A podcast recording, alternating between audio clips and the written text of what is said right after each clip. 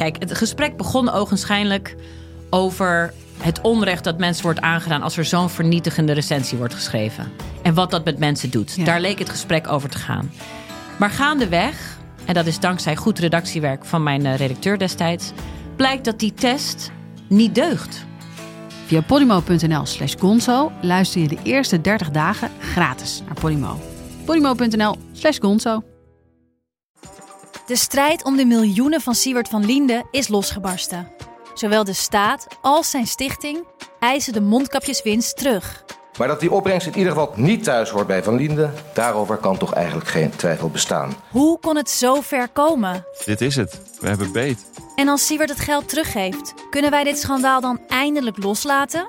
Je hoort het in de Mondkapjesmiljonairs, exclusief bij Podimo. Ga naar podimo.nl slash mondkapjes. Hallo, vanaf de redactie van de Groene Amsterdammer is dit uw wekelijkse podcast. Ik ben Kees van der Bos. Ой, у лузі червона калина похилилася. Чогось наша славна Україна зажурилася. А ми тую червону калину. Oekraïne hoorde ik. waar luisteren we naar?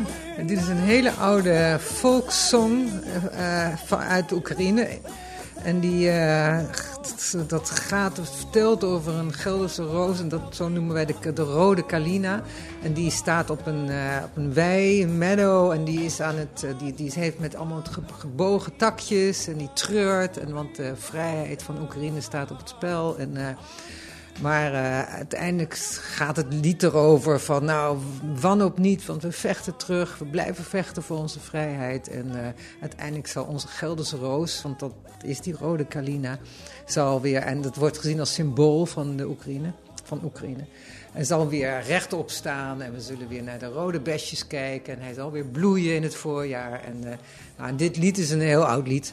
Wordt nu door strijders, begreep ik van de Russische tolken met wie ik in de bus zat naar Krakau. Die gingen daarover vertellen. Ja. Maar die wordt dus nu weer door de strijders en ook in kelders waar mensen zich verschuilen en zo, wordt die weer helemaal gezongen. En is het eigenlijk gewoon nu een strijdlied geworden. Dus je ziet op YouTube eh, allemaal van die strijders die dit ook aan het zingen zijn. Ja, ja en, en dit geluid haal ik ook van YouTube, op jouw aanraden overigens. En er zit ook een, eh, is ook een strijder die het zingt, hè, maar er zit ook iemand bij die in Oekraïne heel bekend is. De, de leider van de band Boombox. Ja, ja. En die maakte dan, nou ik zal het aan het eind van deze podcast helemaal laten horen, het nummer. Dan zie je hoe het langzaam Ja, muzikaal verrijkt Ja, wordt. maar je voelt ook echt de marsmuziek erin. Hè? Ja, het is, je voelt ja. meteen het strijdvaardige. En, eh, ja.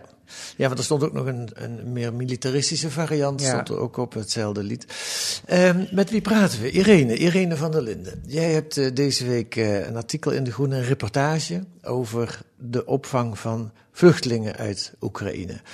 Ehm, en je had een verhaal bij dit lied. Het was in, in de bus, eh, ben je hierover bij, was je, begon je al te vertellen. Ja, nou, ik zei het al net even. Van, wat ik heb gedaan is met een eh, hulporganisatie mee die eh, in, in, in Oost- Oost-Polen, dus in Krakau in dit geval, vlucht, Oekraïnse vluchtelingen ophaalt.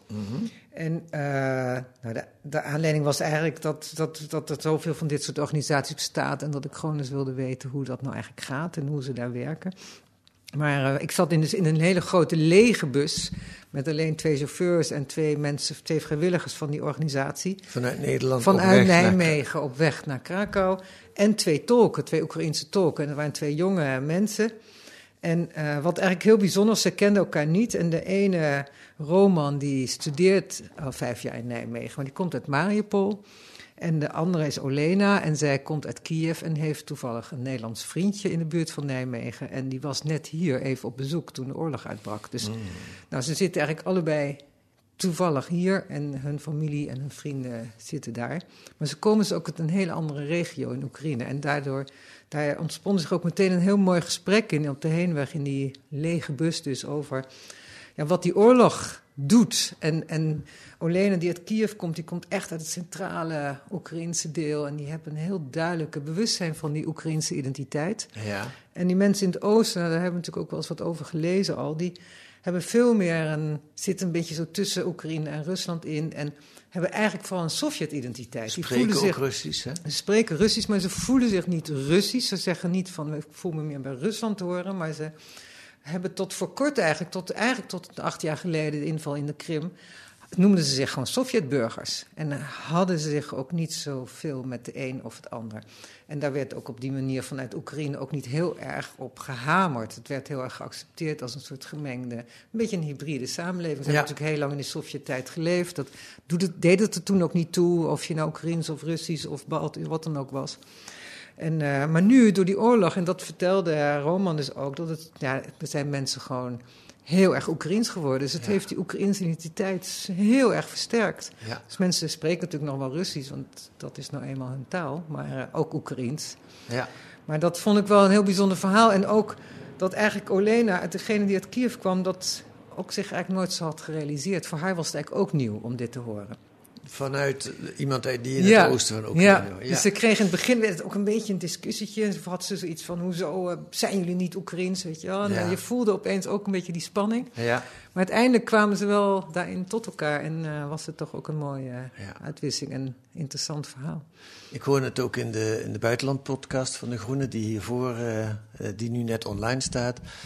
Dat Poetin met het beginnen van deze oorlog eigenlijk de Oekraïense identiteit een geweldige dienst bewijst. Hè? Dat, de- de- het is een beetje cynisch om dat zo te zeggen, want het is natuurlijk helemaal geen dienst die die bewijst. Maar Ja. wat betreft cultureel het Ja. samensmelten van de natie, Ja. wat voor Oekraïne best problematisch is, want er lopen allerlei scheidslijnen door dat land, die lijken nu allemaal weg te zijn. Nou, dat is precies waar dit eigenlijk over ging. En dat zei hij dus ook. Hij zei, ja, we het al, eigenlijk begon het acht jaar geleden al...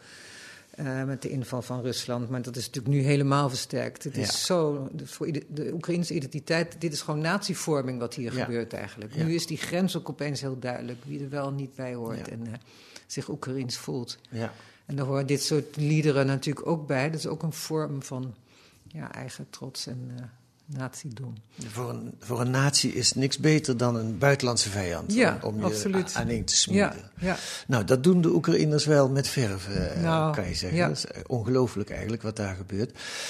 Jouw verhaal gaat over iets anders. Is in die, re- het gaat over ehm, de opvang van vluchtelingen in Nederland, maar dan met name de, de gewone burgers die zich aaneengesmeed hebben om die opvang eh, vorm te geven. Ik las gisteren nog in, in de Gelderlanden eh, dat in, in elk geval in Gelderland, ik weet niet of het voor heel Nederland gold, eh, meer vluchtelingen opgevangen worden door allerlei kleine organisaties die zomaar uit de grond gestampt zijn, dan door de officiële sporthallen en, en dingen, locaties die door de gemeente verzonnen worden. Dus het gaat wel dat ergens klopt. over. Ja, ja, nee, zeker. En, en dat, dat is natuurlijk ook zo interessant. Dat vond ik er ook heel interessant aan. Dat je, er zijn eigenlijk heel snel na die oorlog, al binnen een paar dagen, dit soort burgerinitiatieven eh, opgericht. En, Ja. eh, en dat gaat van of mensen, die, een organisatie die regelt dat mensen eh, die een huis beschikbaar willen stellen, of die mensen in huis willen hebben, zich aanmelden en dat die die, die adres verzamelt. Of eh, een bussen regelt en mensen gaat ophalen daar. En dat moet natuurlijk ook weer gekoppeld worden aan elkaar. En eh, ja, dat is fascinerend. En ze springen eigenlijk in een gat wat de overheid laat vallen. Want daar, die waren helemaal niet zo snel om eh, mensen met zoveel hoeveelheden op te vangen. Ik laat je even een fragment horen. Vier dagen na het begin van de oorlog kwam Louis de Mast, ik ken hem niet, maar hij komt uit Nijmegen, op het Radio 1-journaal met dit fragment. Wij brengen in kaart eh, waar mensen allemaal zeggen van... hé, hey, ik heb hier een kamer over of ik wil een local wegwijs maken. En vervolgens gaan wij ook in contact met eh, de vluchtelingen. En proberen we dat een beetje te matchen op een soort van landkaart. En we krijgen echt aanbiedingen nu al over heel Europa. We zijn gisteren pas online gegaan, gistermiddag. En ik heb nu al iets van 90 mails. En ik hou, het, ik hou het eigenlijk niet meer bij. En de bedoeling is dus echt dat mensen bij particulier gaan zitten en niet in, in grote kampen. Hè? Dat, daar kiest u Nee, bewust nee. voor. Ja, maar de, opvang, de, opvang in Nederland bijvoorbeeld zit ook vol. En hier in Heumensoord eh, hebben we twee keer een tentenkamp eh, opgezet. Dat doen we graag als Nijmegen. Maar de omstandigheden waarin vluchtelingen toe moesten verblijven... dat was echt erbarmelijk. Daar hebben we ook een tik op de vingers gekregen van mensenrechtenorganisaties. Dat waren gewoon kille kampen. En we moeten warme huizen gaan bieden. Louis de Mast, heel veel succes. Dit was vier dagen na het begin van de oorlog, 28 februari. En de oorlog is op 24 februari begonnen. Eh, onvoorstelbaar snel. En dat moet dus nog allemaal, dat stond helemaal in de kinderschoenen. Ja, ja, echt uit het niets. En hij is dan één, hij heeft dan de, hij heeft de, de, de organi- ja, het is eigenlijk geen organisatie, het initiatief Room for Ukraine opgericht. Ja. En eh, dan, nou, dat doe je, hij heeft het bedacht. Maar daarna gaat het natuurlijk om dat er gewoon mensen bij moeten. Dit is gewoon heel veel werk. Dus er is uiteindelijk een groep van zo'n twintig vrijwilligers omheen gekomen. En, eh, en daar dan weer een kerngroep van die het echt gaat opzetten en, en, en regelen.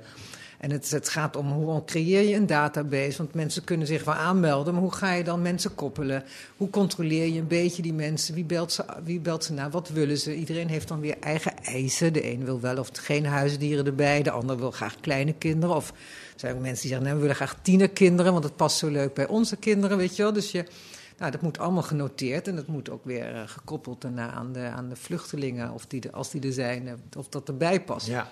Ja. Dus, eh, en eh, zij zijn absoluut niet de enige. Er zijn aan alle kanten dit soort organisaties ontstaan. En eh, nou, dat is natuurlijk heel bijzonder. Ja. En alleen dat is ook al een reden, was een reden voor mij om er iets mee te doen. Omdat het is gewoon zo'n tijdsdocument.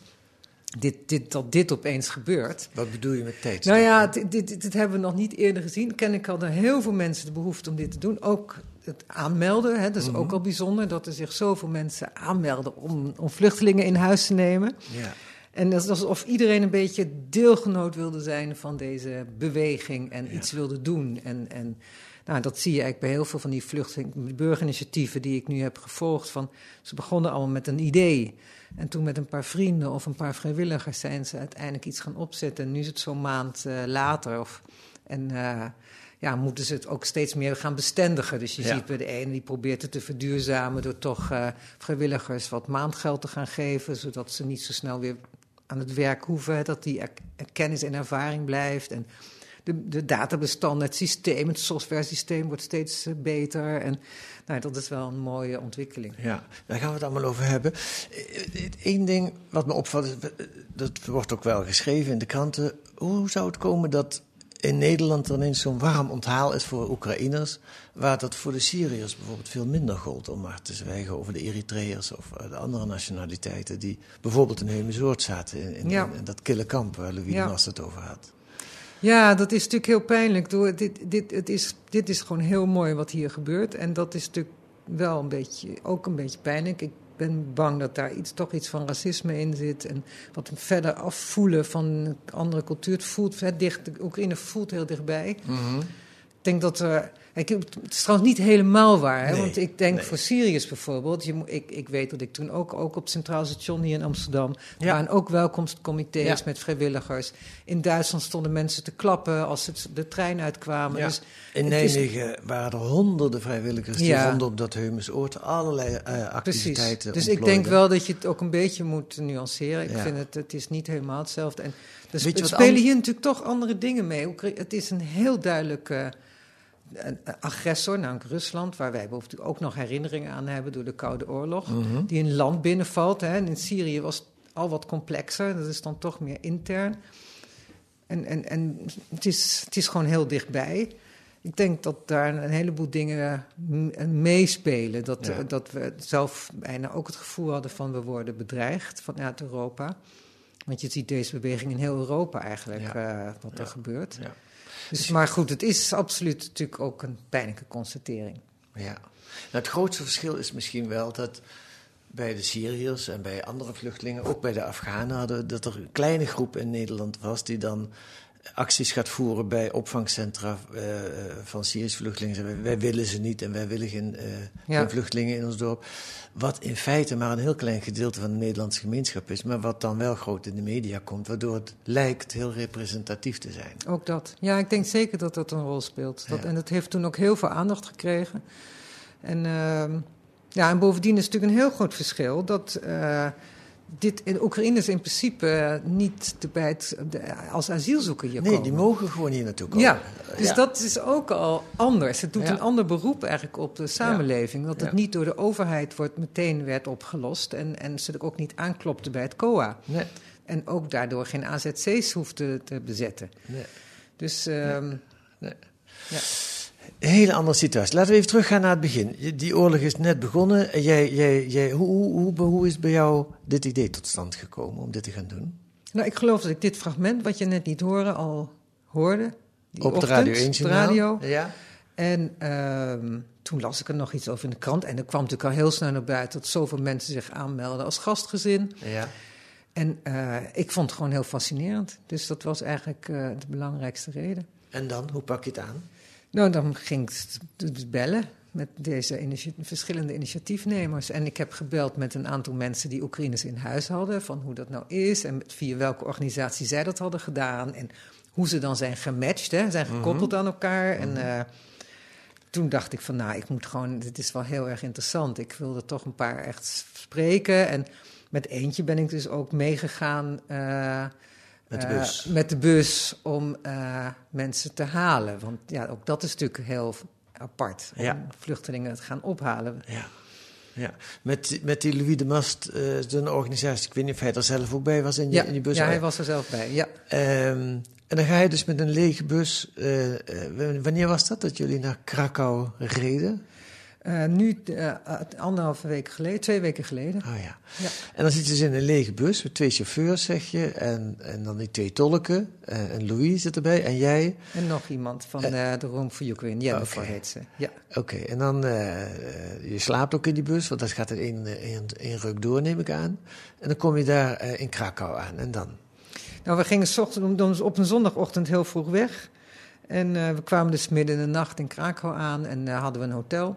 En de volgende dag, op maandag, moest echt het gaan beginnen. En de- de- de- ze werken, deze Room for Ukraine werkt dus samen met Uk- Ukraine One. En zij organiseren de bussen met name. Dus zij doen dat transport. En ze hebben ook een soort hub in Krakau eh, opgericht. Ja. Dus het betekent dat er heel veel vluchtelingen vanaf de grens komen ze vrij makkelijk in Krakau. Of met particulier vervoer, lokaal vervoer, eh, treinen, bussen. En in Krakau, op het station, eh, verzamelen heel veel mensen zich. Of op verschillende andere plekken die de gemeente heeft aangewezen. Nou, wat wij begonnen, we moesten zo, eh, maandagochtend om acht uur kregen we een briefing. En eh, dat, daar waren dus een heel grote groep vrijwilligers al van die andere club. Ja. Die waren er al. Laten we die ook even schetsen. Ukraine Run, dat is ook weer net zo'n als de. Mast. Maar dan Ja. van Patrick van Rossum, las ik. Ja. Een ondernemer. Eh, wat heeft hij voor banden met Oekraïne? Nou, helemaal niks. Hij had hetzelfde. Hij kwam eh, ook eigenlijk door Louis de Mas bedacht het hele plan terwijl hij onder de douche stond. En Patrick die kwam vanuit eh, Oostenrijk terug, geloof ik, dan de wintersport.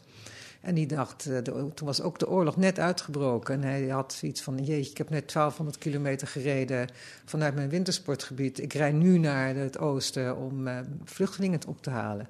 Nou, dat heeft hij toen niet meteen gedaan. Toen heeft hij eerst twee vrienden gebeld. En zijn ze dit ook gaan opzetten. En dan vrij snel gingen ze met kleine busjes daarheen. En, eh, en op een gegeven moment werden dat steeds grotere bussen. En dan gingen Ja. ze samenwerken met grote maatschappijen. En ja, het, zo ontwikkelde het zich eigenlijk. Ja. Van gewoon ja, kleine initiatieven. Dat is natuurlijk ook heel bijzonder. En, Heel en mensen die opeens hun werk... Want hij heeft gewoon eh, een, een eigen bedrijf begrepen. Ik samen met iemand anders. En zij heeft gewoon zijn compagnon gevraagd... wil jij het even overnemen? Ik ben er even niet. Ja. En eh, doet dit nu fulltime? Want het is heel veel werk, dit Ja. allemaal oprichten. ja. We gaan weer naar Krakau. Ja, goed, we waren dus in Krakau en, en, en hij, Patrick die zat daar al met zijn hele club en vrijwilligers. En, En jij zat in bus nummer 7. ik zat in bus nummer 7, ja precies. Ja. het is maar net hoe je telt, maar toch vanuit, van zij deze, die, die Room for Ukraine en uh, Ukraine One zijn op een gegeven moment gaan samenwerken. Omdat de ene adressen nodig had en de Ja. ander die had ook mensen nodig. En ze doen denk ik ongeveer hetzelfde werk ook. Hè? Dus het Ja, is de- heel veel aan het liggen. Ja, Ja. precies. Ja. En ehm, nou, toen kregen we een briefing en, eh, en, en met name de, dat ging het dan, er zijn dan verschillende teams en het was een heel geolied systeem. Dat hebben ze echt heel mooi opgezet ondertussen. Dus er ging, s ochtends ging een, een, een, een heel team met Oekraïnse tolken naar het station van Krakau. En die eh, lopen daar dan rond met, met bordjes. eh, en, en zijn ook geaccrediteerd. Maar ze lopen dan rond met bordjes van Let's go to Holland. In het Oekraïens dan.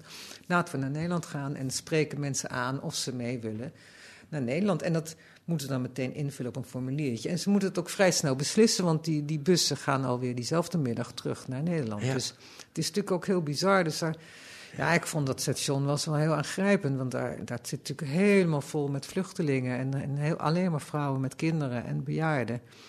En, eh, En die zijn moe. en heel moe en die hangen, die zitten een beetje te wachten. En ondertussen, het is bizar, lopen er allemaal met van die gefluoriserende hesjes vrijwilligers tussen. Die of iets uitdelen aan kleren of aan voedsel of eh, kattenvoer, poppen, eh, knuffels, dat soort dingen. Maar ook dus eh, vrijwilligers die, die mensen mee ergens heen nemen. Dus naar Noorwegen was er een bus. Er was ook een bus naar Duitsland. Eh, nou, wij waren er dus naar Holland. Ja. Dus dat is natuurlijk ook heel, ja, heel Besch- gek. Beschrijf eens één familie of één vrouw of één man die, die, die je daarvoor je ziet, die op dat station die indruk op je gemaakt heeft. Nou, ik, ik, ik, ging met, ik, ik heb me die hele ochtend ben ik samen met één tolk, met die Roman, waar ik het net over had, met wie ik dus ook in de bus had gezeten, ben ik met hem eigenlijk mee geweest. Dus hij ging praten met mensen die op hem afkwamen, of hij ging soms met iemand praten. Maar meestal stond hij gewoon en kwamen mensen op hem af. En nou, een van de eerste mensen die, ik- met wie ik gesproken heb, die ik me echt nog heel goed herinner, was een moeder met een dochter. De dochter was een jaar of veertien en een kleine zo, een jonge zoontje, ik denk een jaar of tien.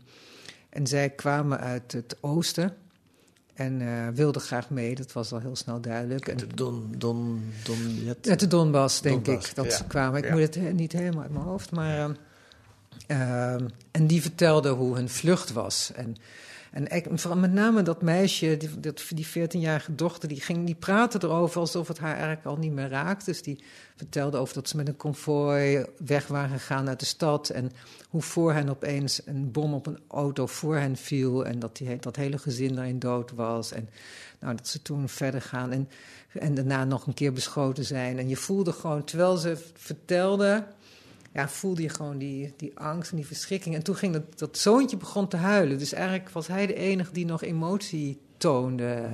En, en, en doordat hij dit verhaal weer hoorde. Maar eh, ja, die herinner ik me nog heel erg goed. Ook, het was ook de eerste familie die ik sprak. En, eh, En gingen die naar Holland? Het is ja, zij zijn meegegaan, ja. Dus die wonen nu, weet je dat toevallig ook? Nee, want zij zijn, waren op dat moment, die, die dag waren er drie bussen die naar Nederland gingen. De een Ja. naar Nijmegen terug, dat was de bus waar ik dus in zat. En één bus ging naar Rotterdam en één naar Eindhoven. Het heeft, en, en zij zaten, werden uiteindelijk gematcht met iemand in Rotterdam. Dus die gingen met die bus mee. Goed, je beschrijft het verder ook heel mooi in dat hotel. Ze hebben dus aan de ene kant een database met Nederlandse gezinnen die zeggen: Ik wil wel een vluchteling opnemen met eventuele voorkeuren Ja. erbij. En dan gaan ze op dat station praten met mensen. En dan, en dan, eh, als iemand naar Nederland wil, gaan ze kijken vervolgens: kunnen we die ergens matchen? Ja, ja, tenminste de mensen op het station die dat zeggen dat ze willen, die krijgen, moeten, daar wordt een formuliertje voor ingevuld. En die moeten zich dan een bepaalde tijd melden in dat hotel, waar dan een tweede team zit die die matching doet. En niet iedereen komt natuurlijk opdagen. Dus het gaat wel pas op, op het moment dat ze zich geregistreerd hebben in dat hotel, dan gaat dat team aan het werk Ja. en zegt: Oké, dit is een moeder met drie kinderen en ze wil graag naar. eh, het zuiden of het noorden, of ze heeft geen voorkeur, of ze heeft ook nog een kat. Nou, geval, dat wordt allemaal genoteerd. Ja. En dan wordt er gekeken in die database, wat hebben we aan mensen? En die worden gebeld. En dan krijg je dus een telefoontje van, ja, u heeft zich opgegeven. We hebben hier een moeder met drie kinderen en een kat. Ja, ze komen, morgen aan in Nijmegen en dan moet je ze om, eh, om 11 uur ophalen. Ja. Nou ja, zo eh, ging dat. Ja, het is, het is ook een beetje eh, romantisch eigenlijk. In alle verschrikkelijkheid, Ja. maar de manier Ja. waarop het gaat. Ja, Ik vroeg me af, zijn er ook... Ik kan me voorstellen dat er ook nadelen zijn van deze kleinschalige organisatie. Bijvoorbeeld dat er op dat station die Nederlanders zijn, die maar je noemde het al, ook Duitsers. En, Ja. is het niet een chaotische toestand daar? Ja, dat, dat is het ook. En, en, en omdat er steeds meer geruchten kwamen, en ik denk ook wel dat het bewezen is, dat, eh, dat er dus ook gewoon eh malavide mensen daarheen gingen. Want het is natuurlijk ook een hele kwetsbare groep. Het gaat om vrouwen en kinderen met Ja. name. Mensensmokkelaars werden gesignaleerd. Dus inderdaad, mensensmokkelaars, kinderen die eh, verdwenen en, eh, en, en, en pooiers bleken er te staan. Dus de, de Poolse politie is nu ook veel strenger. Was die er toen jij er was? Ja, Was ja die stond er standaard. En met, in volle ornato ook staan ze daar steeds. En uiteindelijk werden ook de vrijwilligers, eh, onze vrijwilligers, gecontroleerd. En Mm. die moesten uiteindelijk zelfs ook vertrekken, want ze hadden tot nu toe een, een soort accreditatie van de ambassade. Van de Nederlandse ambassade? of van de- Eh, nee, van de Oekraïense ambassade in Nederland, Ja. denk ik. Ja. Dat ze die hadden, maar dat was niet voldoende. Ze moesten zich nu nog weer accrediteren. En daar is de organisatie dan nu ook mee bezig bij de politie daar in Krakau. Ja. Want ze zijn dus steeds strenger geworden eigenlijk doordat er gewoon ook heel veel malafide organisaties tussen bleken te zitten of organisatiemensen.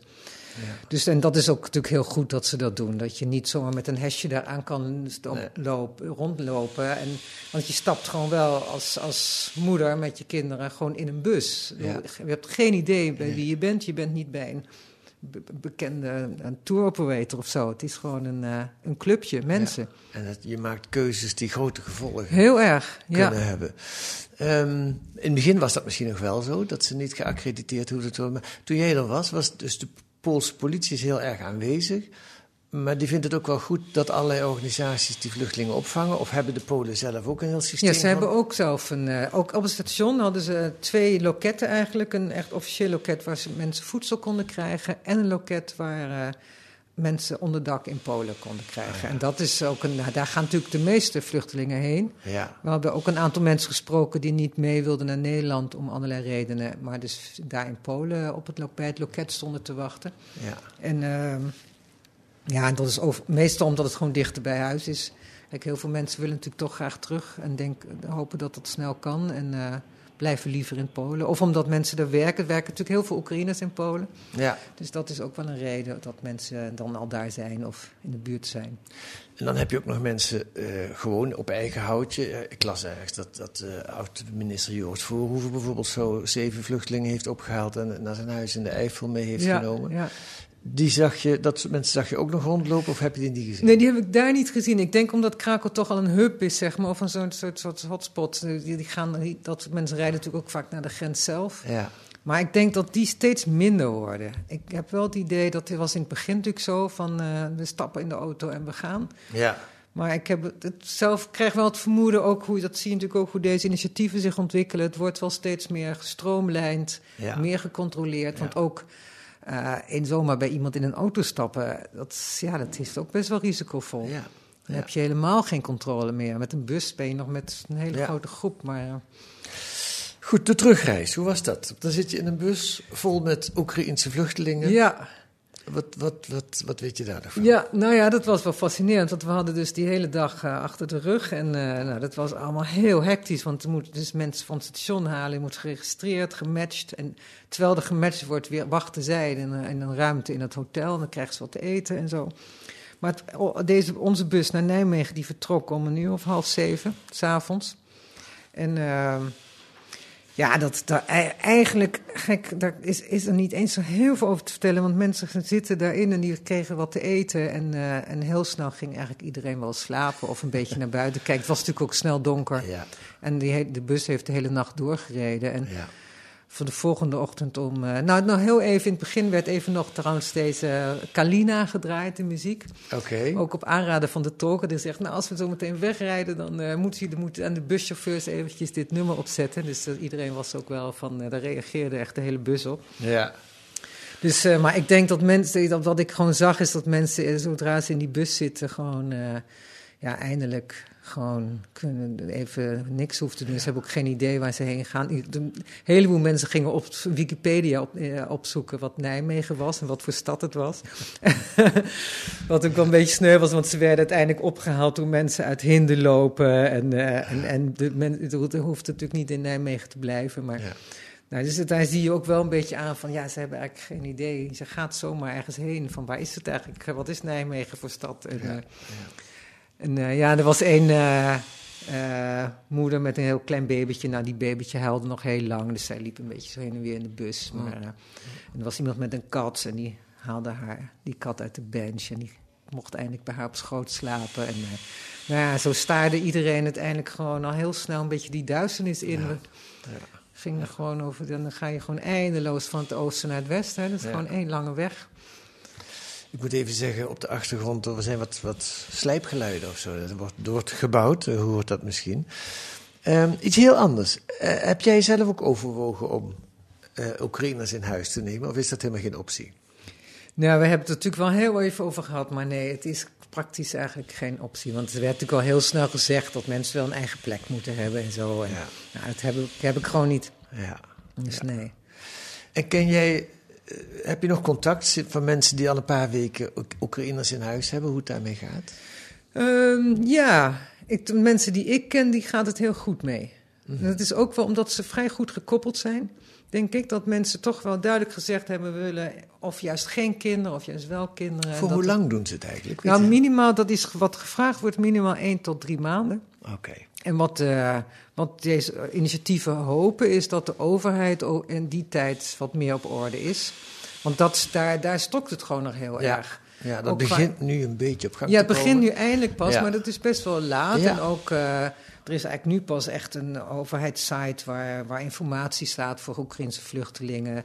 De, maar de gemeentes lopen nog heel erg achter, tenminste de meeste gemeentes, over het registreren van eh, mensen. Want pas dan kun je eh, ja, gaan werken bijvoorbeeld en ben je officieel hier. Hm. En eh, nou, er is nog steeds, er is nu een leefgeldregeling bedacht, maar die is nog niet in de praktijk gebracht. Dus er is ook nog geen geld. En is ook zo'n gastgezin betaalt nog eigenlijk voor een. Maar die krijgen nog geen geld voor. Een, Nee, dat gaan ze ook niet krijgen. Dus we willen, het idee is dat de, de, de, de Oekraïnse vluchteling zelf het geld krijgt, het leefgeld. En die kunnen Ah, dan, als ja. ze willen, dat aan een gastgezin meebetalen. Maar nu krijgen ze nog niks. Ze krijgt nu nog niks, dus dat, eh, dat is nog best een kostbare Ja. voor, sommige mensen. En sommige initiatieven dus ook. Ik ben ook, ook bij gaan praten met Netherlands for Ukraine, is een andere clubje weer. Die, eh, en die willen nu ook eigenlijk heel graag zelf dat geld kunnen geven. Omdat ze zeggen, ja, sommige gastgezinnen hebben eigenlijk niet zoveel geld. En die Mhm. willen we graag wat eh, betalen daarvoor. Ja. Ja, ik kwam in Nijmegen bij een demonstratie voor eh, tegen de oorlog in Oekraïne. kwam ik ook een paar mensen tegen die een, een Oekraïner. of een had een moeder met een kind, een ander had een man, eh, een gepensioneerde man in huis genomen. Dat was heel ongemakkelijk, want die praten geen woord Engels. Dus die moesten met Google Translate Ja. communiceren met Ja. elkaar. Maar het ging. Het ging. Ja, het is wel fascinerend. Zo was het ook toen wij, toen wij dus aankwamen in Nijmegen. Want daar, toen zaten, gingen we met die hele bus dus eruit vanaf de Grote Markt naar een café toe. En, eh, en daar zaten dus heel veel die gastgezinnen zaten daar al te wachten. Ja. En dan eh, zie je ze opeens gaan praten. En eh, daar echt bijna niemand in de bus kon Engels. Dus Ja. dat is allemaal, zie je ze zo praten in hun telefoon. Hoeveel kinderen heb jij? En hoe heet jij? En Ja, nou, ja, waar kom jij vandaan? Nou, dat is echt een heel aandoenlijk eigenlijk ook, moet ik zeggen hoor. Ja. Ja. Ja. En dan ja, denk je ook wel, god, hoe zou dat thuis gaan? Ja, ja. Ja, wat een mooie verhalen. Eén één, eh, kwetsbaarheid is natuurlijk zo, zo spontaan als die organisaties ontstaan, zo eh, krijgen, groeien ze en krijgen ze ook allerlei, kunnen er allerlei problemen ontstaan. En ik las in jouw artikel dat de Room for Ukraine van Louis de Mast inmiddels ook niet meer bestaat. Nee, hè? het bestaat niet meer. Het is na deze reis eh, opgeheven. En waarom? Nou, ze willen daar verder eh, niet zo heel veel over zeggen. Maar wat heel duidelijk is, is dat er gewoon binnen de organisaties, binnen die groep vrijwilligers, eh, oneenigheid is. En eh, wat ze gedaan hebben, is bedacht van nou, dan, die, hier moeten we niet mee verder gaan. Maar we willen wel zorgvuldig omgaan met de gastgezinnen. En, dus ze hebben het hele databestand aan Take Care BNB gegeven. Dat is eigenlijk de, de enige echt gecertificeerde organisatie Ja, die dit doet Ja, die zo gereguleerd zijn dat ze eigenlijk nog niks kunnen doen. ja. Maar ze zijn wel oké, hè, ze worden wel, ze gaan heel zorgvuldig om met die adressen. En die bestaan al heel lang. Hè? Je bestaan al heel andere lang. vluchtelingen Ja, zij zijn ook krijgen. vaak op tv te Ja, zien en op ja, andere. Ja, ja. Maar dus ze hebben het uiteindelijk eh, netjes afgehandeld. En ook nu als je op hun site komt en je geeft je op, dan kom je meteen bij Take B&B terecht. ja. Maar eh, ja, dat laat wel zien. Het was natuurlijk ook voor heel veel vrijwilligers niet heel leuk. En ze hebben zich allemaal heel hard ingezet om dit op te richten. En ja, uiteindelijk eh, gaat het dan ook weer fout. Ja, je, het zijn mensen die elkaar helemaal niet kenden. Nee. En die via Zoom eh, met elkaar in contact zijn gekomen. En dit zijn gaan oprichten. Ja.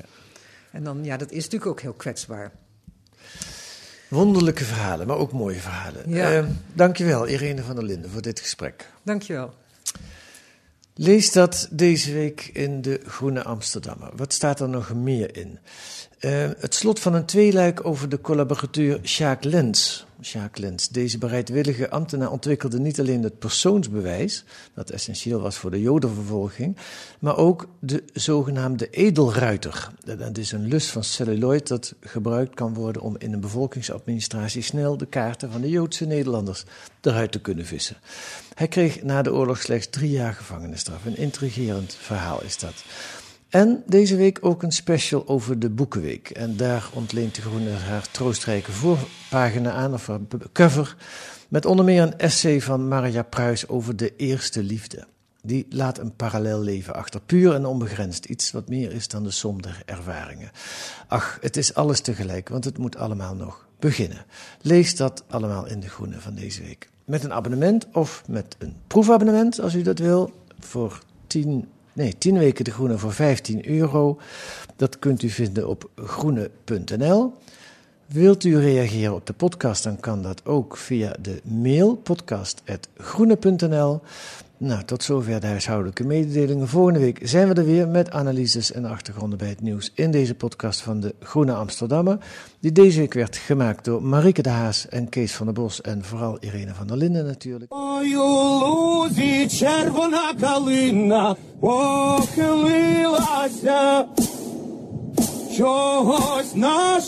славна Україна зажурилася, а ми цю червону калину підіймемо.